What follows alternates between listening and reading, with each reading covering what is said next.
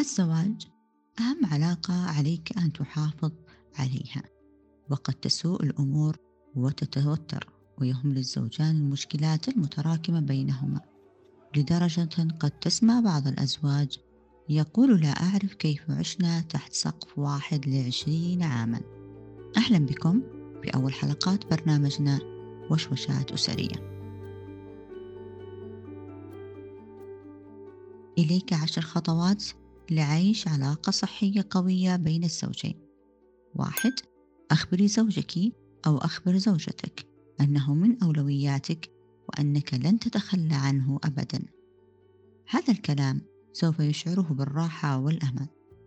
اثنين عزيزتي الزوجة اهتمي بعلاقتك كما تهتمين بعملك.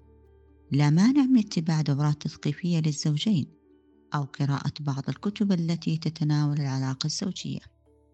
أو اللجوء إلى المستشارين المتخصصين بالعلاقات الزوجية في حال حدوث خلاف أو رغبة في تقريب المسافة بينكما. ثلاثة تعلمي شيئا جديدا مع زوجك. تعلموا لغة أجنبية مثلا أو شاركي بنشاط رياضي منزلي أو مارسوا هوايات مشتركة وابدأي اهتماما خاصا بما يحبه. شاركيه حضور مباراة اجعلي هذا الوقت ممتعا لديه وأنك حريصة على ما يسعده وشجعيه. أربعة. كوني قريبة دائما. لا تجعلي زوجك يشعر بالوحدة. دعي زوجك يعلم أنه سند لك وأنك سوف تكوني معه عندما يكون بحاجتك سواء في مناسبته السعيدة أو الحزينة. خمسة. تذكري مع زوجك الذكريات الجميلة مثل لقائكم الأول. لحظة اعترافكما بالحب. وإجازاتكم الأخيرة. شاهدا صور زفافكما واضحكا على طرائف قديمة لأنه من الرائع أحيانا إحياء ذكريات قديمة والمشاعر التي ترافقها.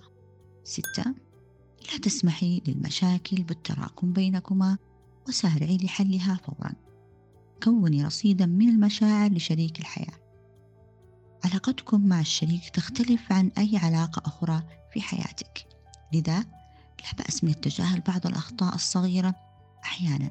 وتذكر كلما غضبت من شريكك أن هنالك رصيد المشاعر المليء بالمواقف والذكريات الجميلة.